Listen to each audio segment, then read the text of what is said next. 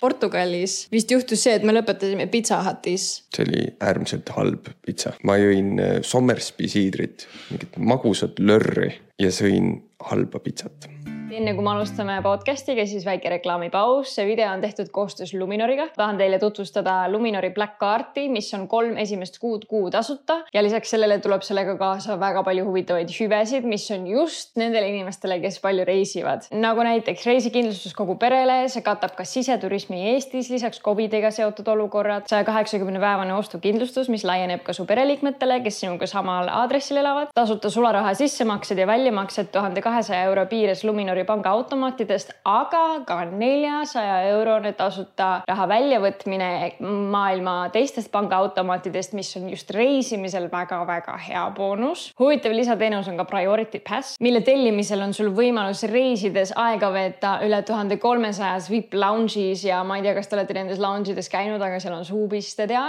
see on väga-väga nice. kui sa tahad rohkem lugeda, siis vaata selle video kirjeldust, aga nüüd alustame podcast'iga. tere tulemast tagasi meie podcast'i ja täna on viies osa juba. me räägime täna reisimisest. ilmselt te olete Instagramis, kui te meid jälgite, juba näinud, siis me reisime üsna tihti. ja me oleme väga spetsiifilised selle osas, kuidas me reisime. ehk siis äh, me mõtlesime, et see oleks üks huvitav teema. Henri, kuidas me valime reisi sihtkohad? millised äh, nii-öelda faktorid on selle juures määravad? Me valime tavaliselt äh, vastavalt, me, me võtame mingi, ütleme eesmärgi, mida me tahame kogeda. ja siis selle järgi me valime tavaliselt ka sihtkoha. kui me tahame sooja, kui me tahame lähedale, siis see on ilmselt kuskil Lõuna-Euroopas. kui me tahame mingit eksootilist asja, ma arvan, siis see on kuskil kaugemal võib-olla. kuigi ka Euroopas on väga ägedaid eksootilisi kohti ma ei tea, tahad sa midagi jahedamat, tahad sa mägesid, Norra. ehk ühesõnaga, ma arvan, et see sõltub väga eesmärgist, et mida sa reisimiselt ootad, kas sa tahad lebotada kuskil basseini ääres või sa tahad eh, rohkem aktiivsemat eh, puhkust või reisimist.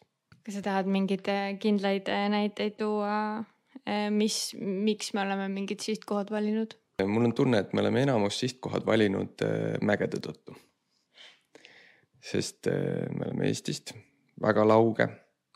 nüüd me elame Taanis, väga lauge.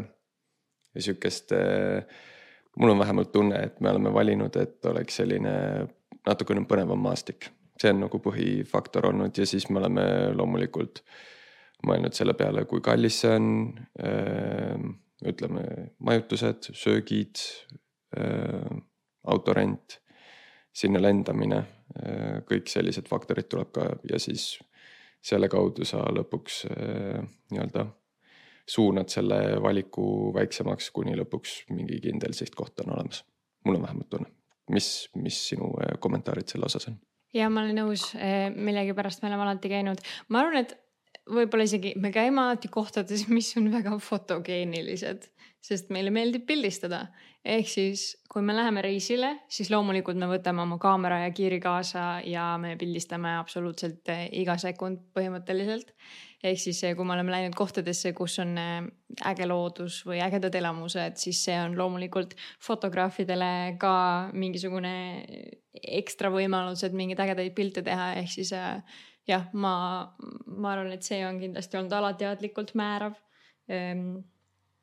Võib-olla me, me ei käi väga turistikates kohtades või vähemalt me üritame neid väga-väga vältida. Ehm, me oleme käinud riikides, eh, mis on populaarsed, aga isegi siis nendes riikides me üritame vältida neid turisti trap'e või selliseid eh, linnu, kus turiste on väga palju. aga me võime sellest ka hiljem rääkida. Ehm, aga jah, ma arvan, et muidu küll mäed ja äge loodus ja matkamine, seda me teeme, oleme teinud nüüd kõik viimased reisid, et me läheme kuhugi, kus oleks äh, võimalus äh, matkata ja nii-öelda natukene ennast proovile panna või näha rohkem vaeva selle nimel, et kuhugi jõuda niimoodi, et sa ei lähe lihtsalt autoga, pargid ennast parklasse ja siis sul on viiskümmend meetrit äh, mingi avastuskohani nii-öelda. kuigi on ka selliseid kohti, aga, aga lihtsalt see enese saavutustunne, kui sa siis oled teinud kaheksa kilomeetrit matka, et jõuda mingisse kindlasse kohta, see on, see on väga mõnus. kas meil on kindlaid nii-öelda off the track reisi sihtkohti, mis on kas alahinnatud või, või jah, kus, mis võib-olla ei ole nii populaarsed või justkui on populaarsed, aga ülehinnatud või mis iganes, et mis, mis oleks väärt külastamist ma arvan, et see on jälle läbi meie silmade pigem olnud, eks ju. ja see on huvitav, kas me peame rääkima, kus me oleme koos käinud või kus me üleüldiselt oleme käinud. ma arvan, siuksed tüüpilised toredad kohad on olnud selline väga off the track koht, kus mina vähemalt olen reisinud, on, ma arvan, on Maroko. Marrakech ilmselt, sinna võib-olla jõuab nii-öelda, võib jõuda iga inimene aga siis me rentisime auto ja reisisime autoga läbi Atlase mägede või Atlase mäestiku Sahara kõrbesse ja siis sealt äh, üles tagasi äh, Põhja-Marokosse ning äh, lennukiga siis Eestisse. ma arvan, see on sihuke väga off the track reis olnud, mis oli väga äge. ja koos, ma arvan, kus me oleme läinud, on Madeira, mis on sihuke pisikene pärl, mis on Portugali osa, aga ta on vist tuhat kilti äkki siis Atlandi ookeanis lõuna poole, lääne poole. ühesõnaga, ta on Atlandi ookeanis ja Tenerife või ütleme Kanaari saartest natukene kõrgemal, aga üli, üliäge koht, täielik nii-öelda öeldakse, et see on Euroopa Hawaii ja ma ei ole Hawaii'l käinud, aga ma kujutan ette, et Hawaii võiks midagi sihukest olla. palju mägesid, palju rohelust, ta on nagu üli, üli-üli huvitava kultuuriga. Äh, väga hea toit oli. Ja, jah, ütleme, kui sa oled sihuke, fännad aktiivset puhkust, siis äh, ideaalne koht, kuhu minna. mis sul on olnud siuksed off the track kohad? võib-olla Madeirale veel juurde rääkides, siis Madeira või üldse saared, me oleme ka väga palju saartel reisinud ja millegipärast me alati valime ka saared. mis võib-olla tuleneb sellest, et me oleme Saaremaalt, aga võib-olla mitte. aga Madeira puhul oli äge see, et eh, kui ühel pool saart on vihm siis teisel pool saart on päike. ehk siis, kui see ilm on väga muutlik, aga teistpidi see on üsna garanteeritud, et kuskil selle saare peal on päike, kui sa lähed seda päikest otsima ja teistpidi, kuna seal oli selline ilm, siis need saare eri poolused Madeiral olid väga erineva loodusega ja see on ühe väikse saare kohta nii äge, sellepärast et sa lähed justkui reisile ja siis sul on tunne, et äh, seal on nii palju avastada, kuigi see on saar. aga teistpidi, mis ma mäletan, me oleme varem rääkinud, on see, et, et saarte peale minemine on mõnus, sellepärast et sul on justkui võimalus kogu see saar läbi reisida, et kuskil tuleb piir ette, ehk siis sa tunned, et see on nagu hooma, hoomatav suurus, mida külastada ja kus kõik kohad põhimõtteliselt läbi käia, mis sa oled üles otsinud, on ju. et äh, millegipärast me alati oleme seda teinud viimasel ajal ja ikkagi, kui me nüüd mõtleme, kuhu edasi minna, siis on üsna sarnased äh, sihtkohad, millele me oleme mõelnud. et äh, see on, see on väga huvitav, aga teistpidi seal on ka meri ja seal on kõik sellised asjad, mis meile ka väga meeldib, et äh, sisemaal ma olen küll reisinud, aga alati sisemaal reisides on hoopis teine tunne kui see, kui sa käid kuskil saarel või mere ääres või ookeani ääres um, võib-olla isegi ei ole alati saar, aga Portugalis, Portugal meile ka väga-väga meeldis. ja, ja seal on lihtsalt megaäge meri. et äh, sellepärast ka see oli mega-mega kogemus. ja võib-olla kui rääkida sellest, mis ma ütlesin, et mõni koht on ülipopulaarne, aga siis me oleme seal vältinud turistikohti, on olnud Tenerife. me käisime nüüd talvel oma sõpradega Tenerifel ja me ise ka mõtlesime alguses, et ah oh,, see on mingi turistikoht, et sinna küll ei viitsi minna. aga kuna lennupileteid ei olnud nagu väga hästi saadaval, aga Tenerifel oli väga head hinnad, siis me mõtlesime, et okei okay,, et äkki seal siiski on midagi ja siis Henri mõtles, et no aga seal on ju vulkaan, et äkki siis selle läheduses on ägedaid matkamise kohti. ja me läksime ja me lihtsalt vältisime kõiki turistilinnu, mis seal olid või vähemalt peaaegu saime kõik välditud, ühe korra käisime restoranis, mis oli turistilinnas ja see oli, see oli kogemus. aga, aga jah, ülejäänud aja oli väga lahe. et äh, käiagi seal vulkaanide ümber ja, ja see, et kõik on must ja nii-öelda see tuhk on ainult seal ümber ja selleks me pidime ka minema matkama, et selle vulkaanini jõuda. et kõik, kõik need ägemused. Must, mitte siis nagu räpane, aga must nagu värv. jah et äh, see, see oli Tenerife, Tenerife puhul tegelikult väga-väga äge ja selles mõttes ma ikkagi soovitaks sinna minna, aga ma lihtsalt soovitaks sinna minna niimoodi, et teha sellest aktiivne matkamise reis. või kuidagi poolitada see niimoodi, et see ei oleks ainult nagu kuurort ja lähed ja chill'id terve aja hotellis, vaid võib-olla mõne aja oled hotellis, noh, mis iganes puhkus sulle meeldib, aga, aga me võtsime Airbnb ja ka täitsa nagu väikses külas ja see oli mega mõnus, sest see Airbnb oli ka väga uus, ehk siis äh, tegelikult see oli nagu hea balanss matkamise ja siukse mõnusa, mitte luksusliku, aga siukse korraliku nagu ööbimise ja, ja väga hea toiduga. ei tea, kas on veel mingisuguseid kohti, mis, äh, mida soovitada, mis ei ole võib-olla nii populaarsed? ma olen käinud Sri Lankal, mulle meeldis äh, Sri Lanka väga. ma arvan, et see ei pruugi olla kõige populaarsem või kõige esimene valik inimestel ja väga jälle, jälle sihuke koht, kus võib-olla nagu täpselt ei valiks esimese kohana. aga seal olles oli see super. ka ta on pisikene, ta ei ole pisikene, ta on, ta on ikkagi päris korralik saar. aga rannad üliägedad, inimesed väga sõbralikud, sisemaa täiesti jungle, palju sellist, kuidas öelda, India ja kolonialismi mingit äh, miksi mis oli väga huvitav ajaloolisest äh, aspektist. ja, ja jälle meri, ookean. Äh, me käisime surfitripil, põhimõtteliselt surfitripil. aga jah, ühesõnaga Sri Lanka oli jah, väga cool. Võib-olla veel, mis mul tuli meelde, on äh, Phuket.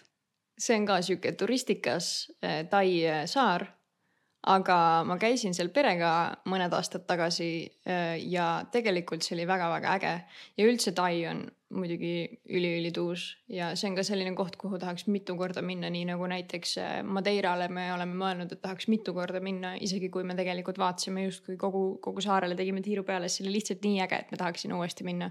minu arust Tai on ka selline koht ja ma mäletan, kui äh, Egert ja Piret tegid Tai reisisarja, siis me vaatasime seda ja me reaalselt ootasime neid osi, et neid tuleks välja, sellepärast et noh, muidugi nemad olid ülitoredad, aga, aga et see Tai kogemus äh, tuli meelde ja siis ma mõtlesin ka, et oh, tahaks uuesti minna, et see on ka mingi selline koht, kus tahaks äh, mitu korda käia. et äh, kuigi kõik käivad seal, siis minu arust see on väga väärt seda, seda kogemust. kas sul on mingid toredad meeldejäävad sellist naljakat lugu reisimisega seoses? võib-olla ei tea, kas inimesed, kes on nagu tõesti kümme aastat mind jälginud, mäletavad, siis ma käisin oma sõpradega e-tuuril, ma olin siis, ma ei tea, neliteist või midagi sellist. Ehm, ja me käisime, reisisime mööda Euroopat ringi, tegime sellest videoid, need olid ETV-s ja ja siis meil olid väga palju erinevaid asju, mis juhtus, enam asju, enamus asju juhtus Prantsusmaal. et ähm, Marseille's juhtus see, et me läksime randa, me ei teadnud, et see on äh, väga populaarne varaste linn. ja siis äh, meil oli autoaken sisse löödud, kui me tulime rannast tagasi ja meil oli seal autos mega palju väga kallist tehnikat, sest me ju filmisime seda. aga me olime need ära peitnud istmete vahele ja mingitesse sellistesse kohtadesse, kuhu võib-olla kiiruga keegi ei viitsi vaadata või ei mõtle vaadata. ehk siis meil jäid kõik asjad alles, mu arvuti oli alles, droon oli alles, kaamerad olid alles, kõik oli alles ja lihtsalt oli auto sisse löödud ja mitte midagi ei võetud, mis oli väga-väga veider. ja alguses oli šokk väga suur, et vau wow,, et me kogu reis on nagu tuksis ja, ja see reis on meil tehtud koostöös ja meil on nagu vaja sisu luua või, või videoid teha, et ühesõnaga. Äh, aga lõpuks kõik, kõik läks väga hästi. jah, mingid sellised juhtumised äh, on võib-olla kõige meeldejäävamad olnud, aga ma arvan, et kõige naljakam asi, mis meil on juhtunud reisil, oli see, kui me läksime Madeirale ja siis äh, Henri jättis autoload koju ühesõnaga äh, räägi sina ise sellepärast, et minu mälu on väga halb ja ma tegelikult väga ei mäleta enam seda. nii, sõitsime meie siis Kopenhaageni lennujaamast lennukiga Londoni poole, et sealt hüpata Madeira lennuki peale. olime umbes sihuke viisteist minutit lennanud ja siis äh, Henri käib peast läbi, kas kõik on kaasa võetud, check, check, check, check, kõik on olemas ja siis autojuhiluba. ja siis mul tuli meelde, et oh-oh ma ostsin uue rahakoti ja autojuhiluba jäi vanasse rahakotti. ja siis meil oli sihuke, ma ei mäleta, kaua me seda Londonisse siit sõitsime, aga ühesõnaga siis ma marineerisin seal kätu kõrval. teades, mis on äh, juhtunud ja kuidas seda siis serveerida ilusasti, nii et äh, sest Madeira on suhteliselt mägine ja seal infranokk, aga ütleme, kõige parem on ikkagi liigelda nii, et sul on enda auto ja sa saad punktist A punkti B. Ehm, sa lähed kas loodusesse või, ehm, või on sul vaja minna kuskile poodi või, või majutuskohta, ühesõnaga auto on tähtis. ja, ja siis autoga ju sõita ei saa, kuna autojuhiluba ei ole, ei saa isegi autot kätte. Ja siis me jõudsime Londonisse ja siis ma Kätule ütlesin, et kuule, et sihuke värk, et autojuhiluba on kodus, see on kapis ja Kätu oli väga õnnelik selle üle, ütles väga hea, siis ei pea ka autoga sõitma. ei, ma ei olnud, aga mulle meeldib see, et sa praadisid terve lennureisi lihtsalt sellepärast, et vältida minu stressi minemist olukorras, kus väga midagi teha ei saa, ehk siis eh, see oli väga armas. no pole vaja ju paanikat tekitada, eks ju. Ühesõnaga, me jõudsime Londonisse ja siis ma rääkisin Kätule ja me panime pead tööle, kuidas saaks seda lahendada üks võimalus oli see, et on nagu on, siis me lihtsalt autot ei võta ja üritame kuidagi kohaliku transpordiga seal hakkama saada, mis oleks väga keeruline olnud. ja teine võimalus oli see, et me üritame, laseme sõbral käia enda juures korteris, võtta mu autojuhiluba ja panna see posti ja mingi ekspress saadetisega Madeirale ja see, kuidas see autojuhiluba meieni jõudis, oli ka minu arust hea trall, sellepärast et esiteks see oli väga äge õppetund eh, suhte perspektiivist, kuidas meil oli selline olukord, mis põhimõtteliselt keeras juba nagu reisi veits tuksi või noh, sihuke tunne oli küll, et no mida me nüüd teeme, meil oli kõik, kõik olid nagu, kõik oli plaanitud, aga siis. aga no stress ja, ja siis me lihtsalt reageerisime sellele niimoodi, et minu pea hakkab kohe la nagu lahendusi looma ja mõtlema, et okei okay,, kuidas me saame selle asja lahendada, ma muutusin väga praktiliseks. ja siis ma hakkasin mõtlema, et, et Karlil on meie koduvõtmed ehk siis me teoreetiliselt saaks kuidagi, kas näiteks, et Kaarel läheb koju ja võtab Hendri autoloa ja siis paneb posti. aga kuna Kaarel oli koolis, mis on linnast väljas, väga kaugel, siis see ei olnud piisavalt kiire, kuna vist nädalavahetus oli ka tulemas või ma ei mäleta, mis, mis, miks, miks see oli probleem ja siis me saime oma teise sõbra Rei nõusse, et ta sõidaks rattaga Kaarli juurde võtaks autoloa, sõidaks linna, otsiks koha, kus see posti panna. ja siis me saime selle lõpuks vist kahe päevaga kätte, ehk siis see logistika, mis oli vajalik oli tagasivaates väga-väga lahe, et meie sõbrad esiteks viitsisid sellega tegeleda ja teiseks meie reis loomulikult auto pärast oli nagu mega.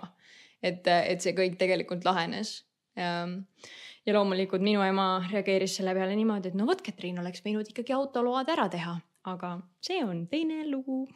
jah, Sikurei päästis päeva meil, võib nii öelda.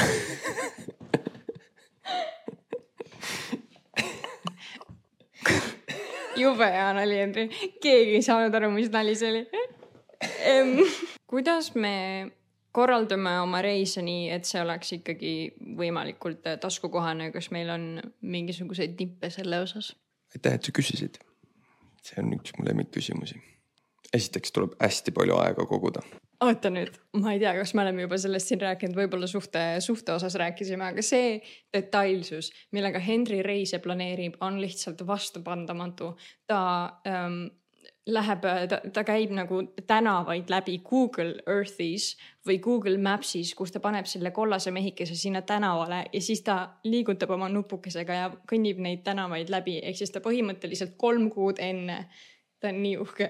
kolm kuud enne ta juba reisib selles kohas, kuhu me peaks minema ja siis tal on kolm kuud see peas, et me läheme sinna reisile.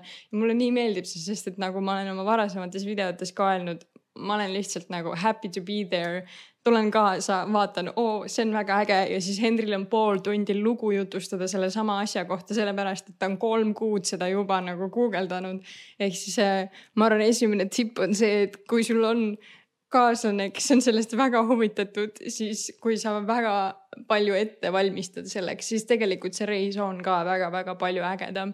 ehk siis tänu Henry Research'ile on meie reisid alati olnud ülilahedad. aga eh, nüüd tagasi eh, nippide juurde, et kuidas sa siis tegelikult ka saavutad selle, et alati meil on nagu kõige parem auto, mis on kõige odavama hinnaga ja siis meil on kõige parem hotell, aga see on ka kõige odavama hinnaga, et kuidas sa selle balansi leiad? oi, oi, oi, see on kogemus, aastad, teinekord kuud. see ei ole väga praktiline. teinekord nädalad kui kellelgi on seda aega võtta niimoodi aga ma arvan, et lihtsalt tuleb guugeldada palju ja mitte lihtsalt see, et mis see esimene vastus seal Google'ist ütleb ja seda hakkad nüüd tegema või selle hotelli võtad või selle lennu ostad või sinna restorani lähed. ma arvan, et eh, tuleb otsida, natukene tuleb lihtsalt sorida Google'is, loomulikult sõpradelt, kes on käinud nendes kohtades, tasub uurida. ja tihtipeale mul on välja kujunenud mingid kohad, kus ma siis otsin mingeid asju, ütleme siis, kas ma otsin autot, siis ma vaatan erinevaid äh, autofirmasid, kuidas nende hinnad on. kas lennujaamast on targem autot võtta või on targem võtta linnast kuskil, sest tihtipeale on lennujaamast natuke kallim. siis teine asi on see, et sa ostad varem kõik asjad ära, et sa ei osta viimasel hetkel, sest tihtipeale varem ostes on need poole odavamad. majutust vaadates näiteks, kui sa vaatad, vaatad booking ust, siis ma tavaliselt alla, sealt sa saad valida filtrite alt, mis sa sinna, mis booking ut või mis sorti asja sa soovid. ma olen tavaliselt pannud pluss üheksa ehk sa otsid siis selle, nende üheksa tähendab, selle filtri alt otsid siis välja, mis sulle meeldib, mis hinnaklassis sulle sobib, nii edasi. toidukohtades ma arvan, lihtsalt see on, Kätu on teinud seda tööd väga hästi, ta on võtnud lihtsalt Google Maps'i lahti ja käinud erinevaid restorane läbi, vaadanud, mis on review'd, mis, mis hinnangud seal on. palju research'i lihtsalt. aga see on, kui sind huvitab see, siis see on fun, kui ei huvita, siis see on samas võib-olla igav sinu jaoks ja siis lihtsalt jah, parim tipp on lihtsalt ära võtta esimest valikut, vaid vaata, mis on veel. ja, ja siis, kui sul on olemas viis valikut, siis vali sealt midagi ma arvan, lennupiletite osas näiteks me oleme alati ostnud siis, kui on kampaania. ehk siis me tihti tegelikult ei planeeri väga kindlalt ette seda, et millal me läheme, vaid me tihti vaatamegi, et äh, näiteks see Tenerife reisi me võtsime Black Friday ajal. me lihtsalt vaatasime, et oot, täna on must reede, lennupiletid on odavad vaatame, kuhu on kõige odavam reisida, aga samas, et see koht oleks äge, nagu mis me ütlesime, oma need varasemad kriteeriumid. et me tihti võtame kampaania ajal ähm, lende, aga siin on muidugi väga suur vahe ka kindlasti selles, et äh, Taanist lennata kuhugi on kõvasti odavam kui Eestist. ja see on väga suur Taani ja Eesti vahe, et Taanist läheb otselende väga paljudesse kohtadesse, sest siin on Norwegian ja siin on äh, ka nagu Skandinaavia lennufirmad ehk siis äh, väga tihti me olemegi leid, leidnud äh, Norwegiani kaudu mingisugused odavad piletid ja siis läinud nendega. et see on kindlasti nagu üks tipp, siis me reisime üldjuhul ebapopulaarsetel aegadel, kus tavaliselt ei reisita või, või õigemini me vaatame, me oleme vaadanud nagu a la Tenerifega näiteks, me võtsime selle perioodi, kus on endiselt veel hea ilm, aga see nagu peamine turismi nii-öelda ajaraam on möödas. minu arust Madeiraga oli ka sama, et me ei käinud nagu siis, kui oli, ma ei tea, süda-suvi või kõige parem ilm, vaid me valisimegi mingi kevad või, või sügis, sügisel vist käisime, onju. et sügise, noh, siis on nagu sihuke okei okay ilm, aga võib-olla natuke sajab ka, et me nii-öelda justkui valime need hooajad, kus võib-olla hotellid ei ole kõige kallimad ja lennupiletid ei ole kõige kallimad. Ja nagu ma ütlesin Tenerife osas ka, aga muude, muude kohtade osas ka, et me oleme pigem ööbinud äh, linnadest eemal või, või lihtsalt otsinudki ägedaid Airbnb-sid, aga mitte otseselt valinud kohti, mis on, ma ei tea, kesklinnas või kuskil, et siis on ka tihti see odavam või siis, et me olemegi läinud sõpradega ja siis sõpradega on reisikulusid loomulikult jagada odavam. mis veel ah,? ja toidu osas mulle meeldib väga palju toidu kohta uurida, esiteks ma olen väga picky sööja ja sellepärast mulle meeldibki seda teha. aga teiseks on, mulle lihtsalt meeldib toit, aga jah, ma teen põhimõtteliselt seda, et ma käin Google Maps'is ringi ja vaatan erineva, erinevaid reitinguid, aga ma vaatan pigem isegi seda, mis review sid on inimesed pannud. Ja kõige rohkem ma pigem otsin äh, kohalikke soovitusi, kasvõi kohalikus keeles kirjutatud blogisid või mingisuguseid selliseid asju, mis ei ole nii turistikad jällegi, vaid ongi kohalik on öelnud, et tead, et see on täiesti mingisugune suvaline resto, aga seal on mega hea toit.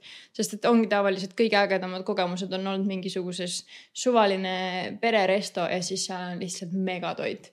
ja me oleme veel Tenerifel käisime mitu korda ühes restoranis, sest see oli lihtsalt nii, nii, nii hea Aqua Isal, kui keegi läheb Tenerifele, väga hea restoran. Äh, aga teistpidi me leiame nagu mingisuguse balansiga seal, et me sööme kohalikku toitu. Äh, me leiame siukseid väikseid restorane, võib-olla mitte väga populaarseid restorane, aga siis Henri alati vaatab äh, Michelini guide'i ka, et mis restoranides on Michelini soovitused, võib-olla ei ole isegi Michelini tärni, aga on lihtsalt soovitused sest tavaliselt siis äkki need restoranid, kui seal on hea hinnaklass ja ei noh, oleneb, mida me otsima läheme, et kas me läheme otsima nagu teemegi mingi piduliku õhtusöögi, kus on lihtsalt nagu ampsu, ampsutoidud või, või me otsime midagi nagu suuremat, et siis niimoodi me leidsime näiteks Madeiral ühe super hea restorani, kus sellel oli üks eh, Michelini tärn või?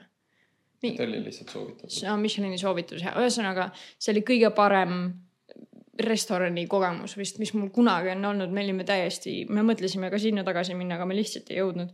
kätte võttis banana split'i, mis oli äh, põhimõtteliselt, sul toodi vann kohale jäätisega. ja siis ta istus sellega ja vaatas, kustpoolt alustada.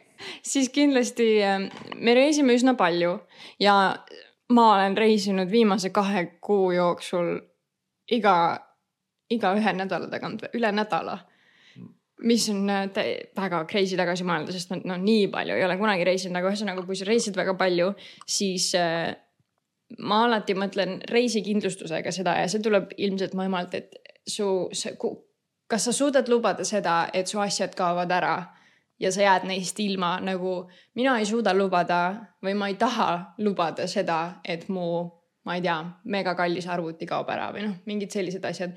ehk siis äh, ma alati äh, võtan reisikindlustuse ja on ka näiteks Luminori kaardil Luminori Black Card, millest ma enne rääkisin. sellega on reisikindlustus kogu perele ja sa ei pea sellega eraldi tegelema, see on lihtsalt stressivaba, sul juba on see kaart olemas ja siis selle kaardiga tuleb kaasa reisikindlustus. ja see käib ka siseturismi kohta, ehk siis kui sul midagi juhtub, siis see teeb su elu palju lihtsamaks. et äh, me oleme käinud, äh, me pidime tegema ühte koostööd Eestis ähm, mida me lõpuks ka tegime, aga, aga me läksime autoga, pidime minema kuhu suunas, Haapsalu suunas on ju.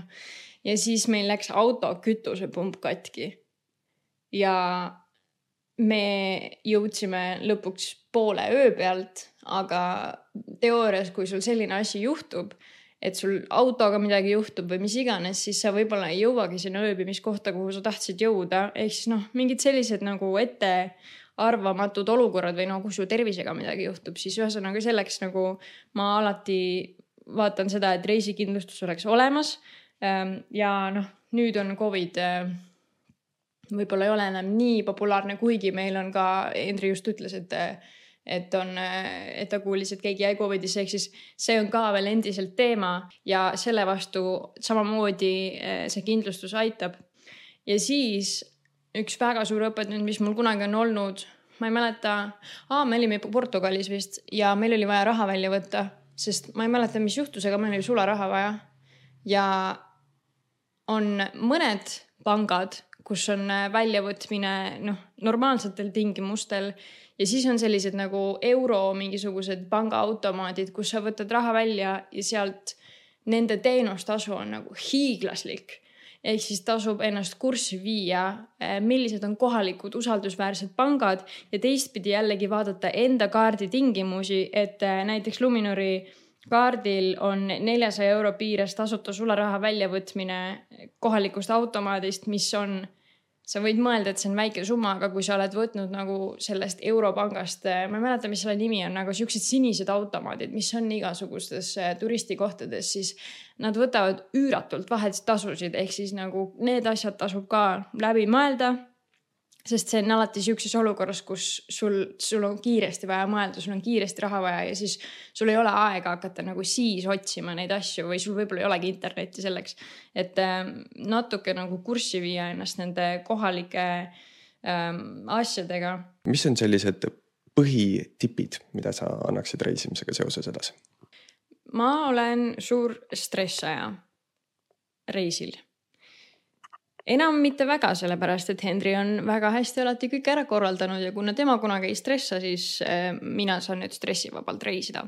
aga kui ma olen käinud üksi reisil, siis ma alati planeerin ära selle, et kuidas kuhugi saab, et näiteks ähm, ma viin ennast kurssi sellega, et kui mul on vaja lennujaamast hotelli jõuda, et kuidas ma sinna jõuan, siis äh, mitte ainult see, et noh, Google Maps'ist on võib-olla lihtne leida seda, et, et kas minna, ma ei tea, millisele rongile minna, aga kuidas näiteks piletit osta. tavaliselt äh, välismaal ma noh, nende nagu wayfinding on ka keerulisem, võib-olla see on mingis muus keeles, ehk siis ma justkui viin ennast kurssi sellega, et vältida neid olukordi, kus ma lähengi stressi. siis toidu osas on äh, olnud olukordi, kus me oleme väsinud ja tahame süüa, aga me ei ole läbi vaadanud või ette vaadanud seda, et kuhu minna sööma. ja siis tavaliselt see õhtu läheb nagu veits slurry või noh, see on sihuke, sa oled nagu väsinud, sa oled nagu hangry on ju, sa ei, sa ei jaksa nagu mõelda enam selle peale ja siis sa lihtsalt nagu viskad, lased käega ja mõtled, et ah suva. Portugalis vist juhtus see, et me lõpetasime Pizza Hutis ja see ei olnud väga hea pitsa see oli äärmiselt halb pitsa. ma jõin äh, Sommersby siidrit, mingit magusat lörri. ja sõin halba pitsat. reisil, see oli Madeiral veel. kus sul on nagu metsikult hea köök tegelikult. ja siis me sõime sellist Ergioski mingit nalja ühesõnaga, sealt tuligi õppetund, et äh, juba kas eelmisel päeval või hommikul, siis kui on kõht täis, vaadata ette ära, et kuhu sööma minna ja siis umbes selle järgi ka oma päeva planeerida ja äh, reserveerida kohad, kus süüa. sest äh, väga tihti me oleme ka sattunud kuhugi ja siis see on täis ja siis sa mõtled, et ah tuksi näiteks selle Michelini guide'i restoraniga oli ka, kas ei olnud, et me läksime üks päev kohale ja me tahtsime minna sööma, aga see oli täis ja me pidime book ima järgmiseks päevaks või midagi sellist oli seal. me isegi helistasime vist, me helistasime ette, aga mitte piisavalt äh, nii-öelda vara. natuke hiljaks jäime sellega siis võib-olla, mida ma veel vaataks, on see, et äh, väga oleneb lennujaamast, kui kiiresti need security check'id ja sellised asjad käivad. näiteks nüüd, kui me Kopenhaagenis elame, siis me teame, et Kopenhaageni lennujaamas see käib mega kiiresti. väga nagu harva on see, et see security check on üle viie minuti. nagu tõesti, sa ei, sa ei seisa seal kunagi järjekorras. aga ma olen mõndades kohtades seisnud järjekorras nagu tund aega või, või noh, siis kui on võib-olla väga palju reise läheb korraga, siis seal on mega palju inimesi ja ma olen niimoodi jooksnud lennule ja see on veel võib-olla olnud tööga seotud a la ja siis, siis ma olen nagu paanikas. aga mis ma enne rääkisin, siis Luminori kaudu saab äh, priority pass'i nii-öelda äh, liikmekaardi äh, palju odavamalt, kus sa saad lounge idesse ligipääsu ja kui sa reisid tihti, siis näiteks minu, mulle meeldib teha lennujaamas tööd, kuna vahepeal sa lihtsalt passid seal nagu poolteist tundi ja see on väga hea koht, kus ma saan keskenduda, ma saan, äh, ma ei tea, äh, videoid editida või ma saan meile saata. ja siis äh, on väga mugav, kui nendes lounge ides on wifi ja seal on suupisted ja mingid sellised asjad, ehk siis kui sa reisid väga palju, siis see on üli, ülihea lisaboonus nii-öelda, mis sellega kaasa tuleb. ja siis ma arvan, et see on ka päris hea tipp, et tavaliselt läheb eelmine õhtu alati rahmeldamiseks, pakkimiseks eh, enne reisi, eks. pigem tasub seda teha natukene varem, et ei tekiks stressi ja ei tekiks ala pinget, magamatust ja nii edasi. sest siis on see reisi algus ka palju mõnusam või mugavam, sest kui sa jõuad lõpuks sinna lennujaama ja sa oled mingi magamata. Hommikul pakkisid oma, ma ei tea, hambaharja ja sokid veel, võib-olla unustasid midagi maha nagu juhiloa. siis sa oled lõpuks seal lennukis, sa oled nagu mingi sihuke närvipundar, nii et natukene varem lihtsalt pakkida, valmistada ette asjad.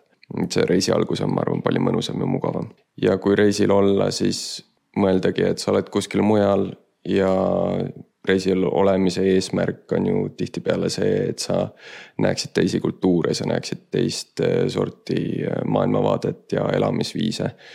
ehk siis seda ka nagu käsnana sisse imeda ja vaadata kas sulle meeldib see või ei meeldi või teha oma mingid õppida sellest või mis iganes, eks ju.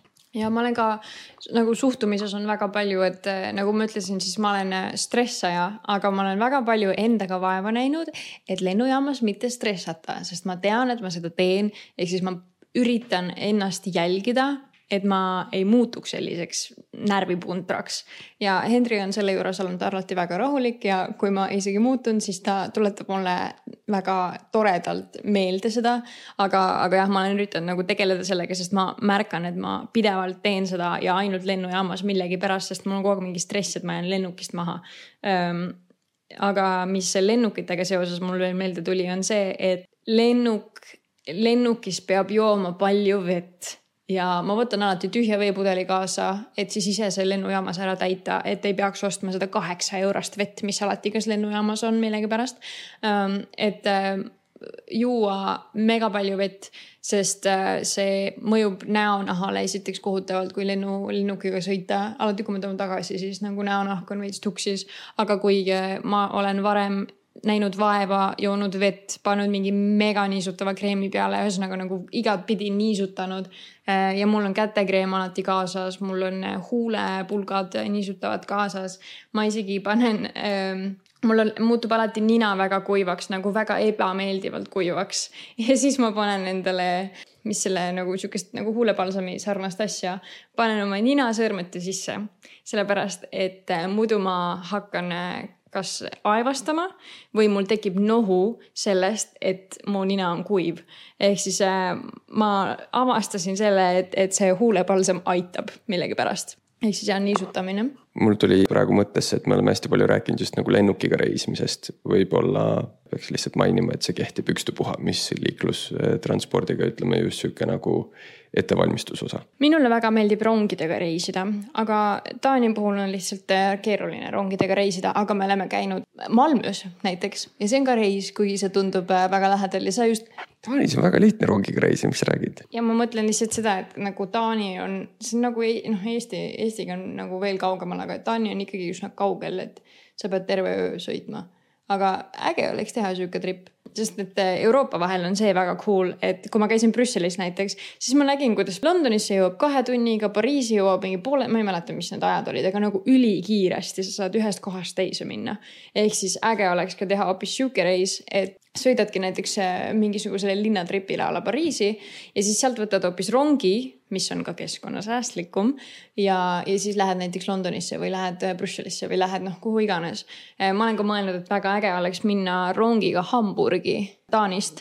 et mingitesse kohtadesse saab küll Taanist minna, aga kuna lihtsalt Taani on äh, saarestik või noh, siin on väga palju saari, siis Taanis tegelikult reisida on päris keeruline, kuna igalt poolt ei saa lihtsalt otse linnulennult minna, vaid sa pead nagu mingi megaringiga tegema, et see lihtsalt võtab kauem aega aga äh, muidu mulle tegelikult väga meeldib äh, rongidega reisida, sest rongides saab, kui lennu, lennukis ei saa teha tööd, siis rongides saab ka teha tööd, mis mulle väga meeldib, sest see hoiab aega kokku. mis äh, näiteks äh, praegu nagu väga tihti reisides see, et peab minema lennujaama poolteist tundi varem, aga siis mul lend on ainult tegelikult tund aega ja siis ma noh, ühesõnaga sellele läheb nagu nii palju aega ja lõpuks ma olen megaväsinud. ehk siis, kui mul oleks võimalus, siis ma tegelikult eelistaks ronge. Ja autoga sõites ma ei tea, kuidas see, Hendrile väga meeldib autoga sõita eh, ja teha mingeid pikemaid trippe, mis on, mis on kõige pikem trip, mis sa oled teinud autoga? kas äkki kuus tuhat kilomeetrit, viis tuhat, me reisisime sõbraga koos Tallinnast, kas äkki Genua kanti kuskile Itaaliasse. see oli äh, päris cool ja äge trip ja, aga suht kiirelt läks see, sest tegelikult on ju niipea, kui sa, me reisisime läbi Läti, Leedu, Poola, Tšehhi, Austria, Itaalia, Šveits, Saksamaa ja tagasi. ühesõnaga niipea, kui sa oled rohkem Kesk-Euroopas, siis sul on meeletult head ju kiirteed, nii et see läheb suht ludinal tegelikult ja eriti kui reisid toreda sõbraga. minu arust autoga reisides on ägedam ka see, et äh, mis nagu selle Euroopa reisi puhul oligi kõige lahedam ja ma kindlasti soovitaks teha Euroopa reisi autoga äh, sõpradega, nagu see oli kõige ägedam kogemus noorena, esiteks, aga teistpidi on see, et autoga, kui sul on mingi lahe koht, kus sa möödud jää seisma, mine vaata, mine naudi, et nagu sul on see võimalus, et sa saad palju rohkem tegelikult sellest reisist juurde, sest sa näed palju rohkem, sa koged palju rohkem. et kõik need vahe, väiksed linnakesed, mida me nägime, kui me Euroopas ringi reisisime, tegelikult need olid kõige ägedamad kogemused. loomulikult me käisime ka suurtes linnades, aga kõik see, mis juhtus sellel vahemikul, kui me sõitsime näiteks, ma ei tea, Lyonist Pariisi või me sõitsime kuskil Itaalias linnade vahel, et see oli nagu palju ägedam, mingisugused täiesti suvalised Toskaana teed või noh, mis, mis iganes, et, et see oli nagu väga-väga cool. kas äh, sul on olnud mingi eriline kultuurishoki kogemus reisides? ma arvan, et äkki võibki tuua Maroko ja äkki Sri Lanka ka.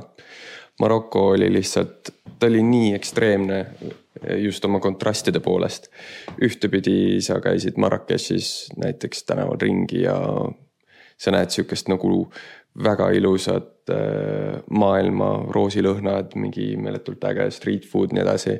ja siis sul äh, on samas mingi äh, onuke, kes kakab kuskil nurgas ehk sihuke nagu väga, väga ekstreemsed kontrastid. aga samas, kui sa tead, kuhu sa lähed ja sa oled valmis selleks, siis see ei ole nagu, see ei ole midagi rätsi või nagu karmi pigem on see selline, et vau wow,, okei okay,, ma olin kuulnud, aga ma ei oleks arvanud, et see päriselt ka nii on. ja Aasiasse reisides siis on ju tihtipeale on kätega söömine väga tavaline. ma olen, on sihuke natukene, sihuke noh, mulle meeldib puhtus, eks ju ja siis äh, viisakalt öeldes. see ei ole nüüd nagu, et sulle natuke meeldib puhtus, Hendrile väga meeldib puhtus. natukene meeldib, natukene, tšip-tšip-tšip. kui käed on pesemata, siis ta läheb stressi ma ei stressa. Ühesõnaga ja siis äh, minu jaoks oli see ka näiteks sihuke pisikene kultuurishokk, et äh, Sri Lankal me käisime kuskil peol ja siis õhtul äh, läksime, võtsime kuskilt süüa ja siis võeti põhimõtteliselt kellegi postist võeti mingi ajaleht, pandi see ajaleht, pandi köögis niimoodi, kui seda sai köögiks nimetada, jalgrattasadula peal pandi see niimoodi ja siis visati sinna riisi natuke peale, mingi suur kanakont ja pakiti sulle ajalehte kaasa, anti niimoodi, et palun söök. ja siis sa saad selle ajalehe kätte ja see on sihuke läbivettinud sellest äh, soojast ja sellisest äh, rõskest kliimast. Äh, ja siis oma hästi puhaste näppudega siis paned seda endale mämmut suhu, hästi meeldis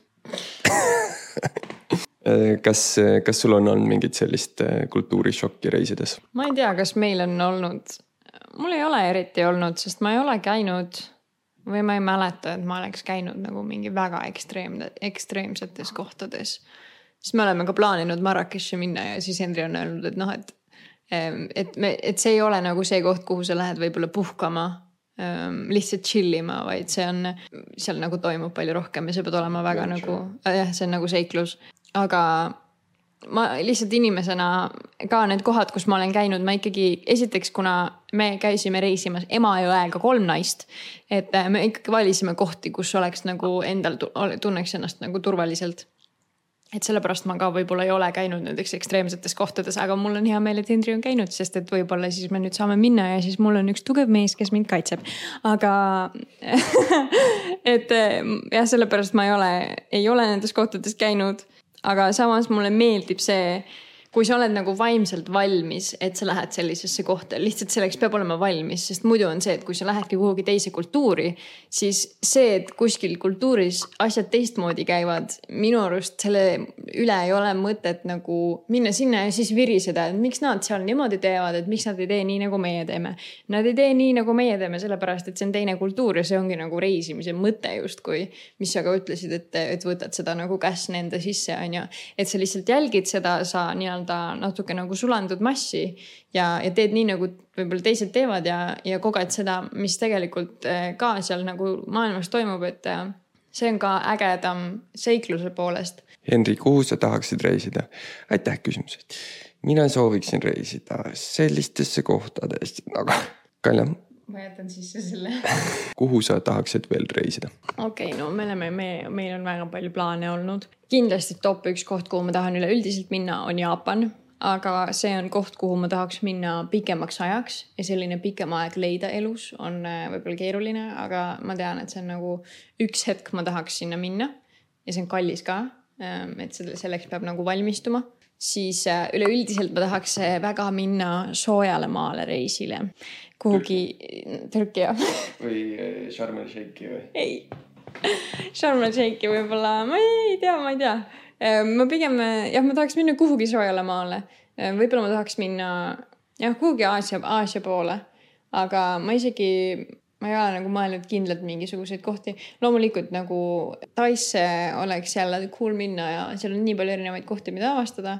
aga, aga seal on ka veel nii palju ägedaid äh, muid nagu Indoneesia üleüldiselt on näiteks väga-väga cool, kuhu ma tahaks minna kunagi.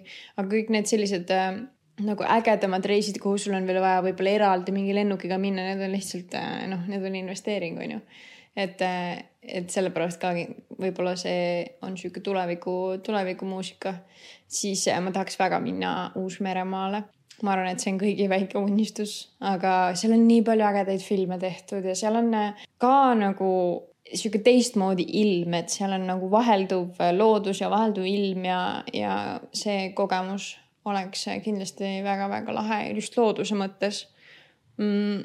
Siis me, mis me veel oleme rääkinud ah,? Ähm, Taani, Taanist on muidugi palju lihtsam minna Islandile ja, ja mul on üks sõbranna on islandlane, kellel on noh, pere elab seal ja, ja et seda me oleme ka mõelnud, et teha ja just nagu kohalike või noh, kohaliku sõbraga Islandil reisida on kindlasti palju ägedam kui see, et sa lähed sinna nagu lihtsalt noh, turismi, turismireisi jälle tegema, et, et need kohad leiab nagu paremini üles. ja no Portugali ma tahaks ka uuesti tagasi minna. Portugalis ma võiks vist äh, iga, iga aasta käia, see on nii-nii tore.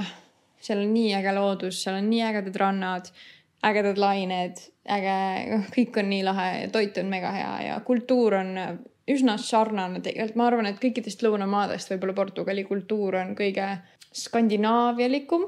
ma isegi ei tea nagu miks, aga kuidagi nende arhitektuur on teistmoodi nagu omamoodi, aga, aga see kuidagi on nagu, see on omamoodi, aga see on kuidagi tuttav. ma ei tea, miks ma seda nagu tundsin, et kui ma läksin sinna, siis ma olin nagu okei okay,, siin võiks täitsa olla pikemalt. et äh, sinna ma lihtsalt tahaks tagasi minna ja muidugi Euroopa riike ma muidu väga ei maini, sest et see ongi see, et kuna me tegime seda Euroopa reisi, siis ma justkui käisin väga paljudes nendes linnades ja sain selle kogemuse, aga loomulikult see kogemus oli nagu väga-väga väärt. aga jah, need ei ole enam nagu esimesed kohad võib-olla, kuhu ma tahaks minna ma arvan, et tegelikult meil on kodu lähedal väga ägedaid kohti. me oleme päris palju rääkinud sellest, et võiks Taanit rohkem avastada kui ainult eh, Kopenhaageni ümbrus või eh, see saar, kus Kopenhaagen on, Sjælland. Eh, me oleme mõelnud Jütlandile minna, sellepärast et Jütlandi just see põhjatipp on väga tuus oma looduse poolest hoopis teistmoodi, palju nagu rahvim, kuna seal on tugevad ookeanituuled lääne poolt. siis me oleme mõelnud minna Bornholmile, mis on äh, Taani saar, mis on rohkem siis, äh, rohkem nii-öelda Eesti poole, Rootsi all. siis me oleme mõelnud Island siit lähedalt, eks ju. Gröönimaa oleks ülivinge, hoopis teistmoodi selline jäämaailm Fääri saared jälle väga lähedal ja nagu connection Taaniga on päris hea. siis isiklik huvi on Lõuna-Ameerika vastu. tahaks teha mingit sellist samamoodi pikemaajalist, võib-olla kolme kuu trippi, kus sa lendadki ütleme, kas Peruusse või võib-olla isegi Kolumbiasse täitsa ülesse ja siis hakkad sealt nii-öelda alla tulema ja jõuad kuskil Patagoonias, Argentiinas näiteks sihuke road trip oleks üliülituus. jah, ka sihuke võib-olla Aasia vibe on vahepeal olnud. enne kui me käisime jaanuaris Tenerifel, siis me arutasime, et võib-olla hoopis ka minna Taisse või äh, ütleme Bali, ma ei ole Balil käinud, aga ma olen väga palju haipi kuulnud. ja mis natukene hirmutab ka, et võib-olla isegi liiga palju haipi. ja siis Jaapan loomulikult, ma olen just riiete poolelt ma olen väga, väga-väga suur Jaapani fänn ja üleüldiselt nende kultuuri põhimõtted ja selline olek mulle väga meeldib. Uus-Meremaa, ja õnneks me tahame minna sarnastesse kohtadesse. Aafrika oleks väga huvitav, Namiibia äh, tõmbab väga oma kõrbe ja jälle ookeani mingi sihuke segu. jah, ma arvan, kohti on tegelikult päris palju kas sul on veel mõni reisilugu, mis sul on nagu eriti meeles, sest äh, millegipärast alati reisidel, need lood, mis reisidel juhtuvad, me, kui me oleme sõpradega kuskil, siis me alati räägime neist. vahepeal me räägime neid kolmandat korda, aga see on ikka naljakas või see on ikka fun või see on ikka nagu tore sihuke meenutus. kas sul on midagi sellist veel? Jah, võib-olla Marokost äh, tuleb mulle meelde paar sihukest naljakat seika ehm, ühesõnaga ma rääkisin, et me lendasime Marrakechi ja me rentisime sealt sõbrannaga auto. üks tore Soome sõbranna, kes on fotograaf ja ta oli enne käinud Marokos vist ühe korra ja ta oli juba mega fänn, nii et põhimõtteliselt, kui me Marrakechis olime, siis me liikusime kuidagi tema nii-öelda nõuannete järgi. ja siis me saime mingi kõige odavam auto, mingi Dacia, põhimõtteliselt mulle tundus vahepeal, et võib seal võiksid olla vändad sees ja siis hoopis niimoodi väntada edasi, et ei olegi vaja mingit mootorit, mootorit tõesti. võtsime mingid täitsa suvalised äh, mäeteed, kui me hakkasime Atlase mägedest või mäestikust äh, üle minema, mis oli väga-väga tuus. vahepeal natukene isegi scary, arvestades, mis auto meil oli ja see ei olnud mõeldud ilmselt äh, mägiteede jaoks. ühesõnaga, sõitsime oma siis autoga sealt Atlase mäestikust Sahara kõrbe poole ja ma suutsin ületada kiirust kuskil äh, nurga peal ja põõsast hüppas välja äh, väga maheda lenksuga, vuntsiga äh, politseinik, härrasmees, kes siis jah, tõmbas meid kõrvale. ja mul hakkasid peast käima läbi kohe mõtted, okei okay,, mis nüüd hakkab saama Marokos. Who knows kas sind pannakse vangi või või äh, saadetakse kohe lennuki peale või. Äh, või pannakse sind kuskile nädalaks äh, mingit kaamlit lüpsma. ühesõnaga, ma läksin sinna politseiniku juurde ja siis see politseinik muutis selle mängu nii-öelda hästi huvitavaks ja tähtsaks ja siis vaatab mulle otsa, vaatab märkmikku, vaatab mulle otsa ja siis paneb mulle lataka, viisteist eurot.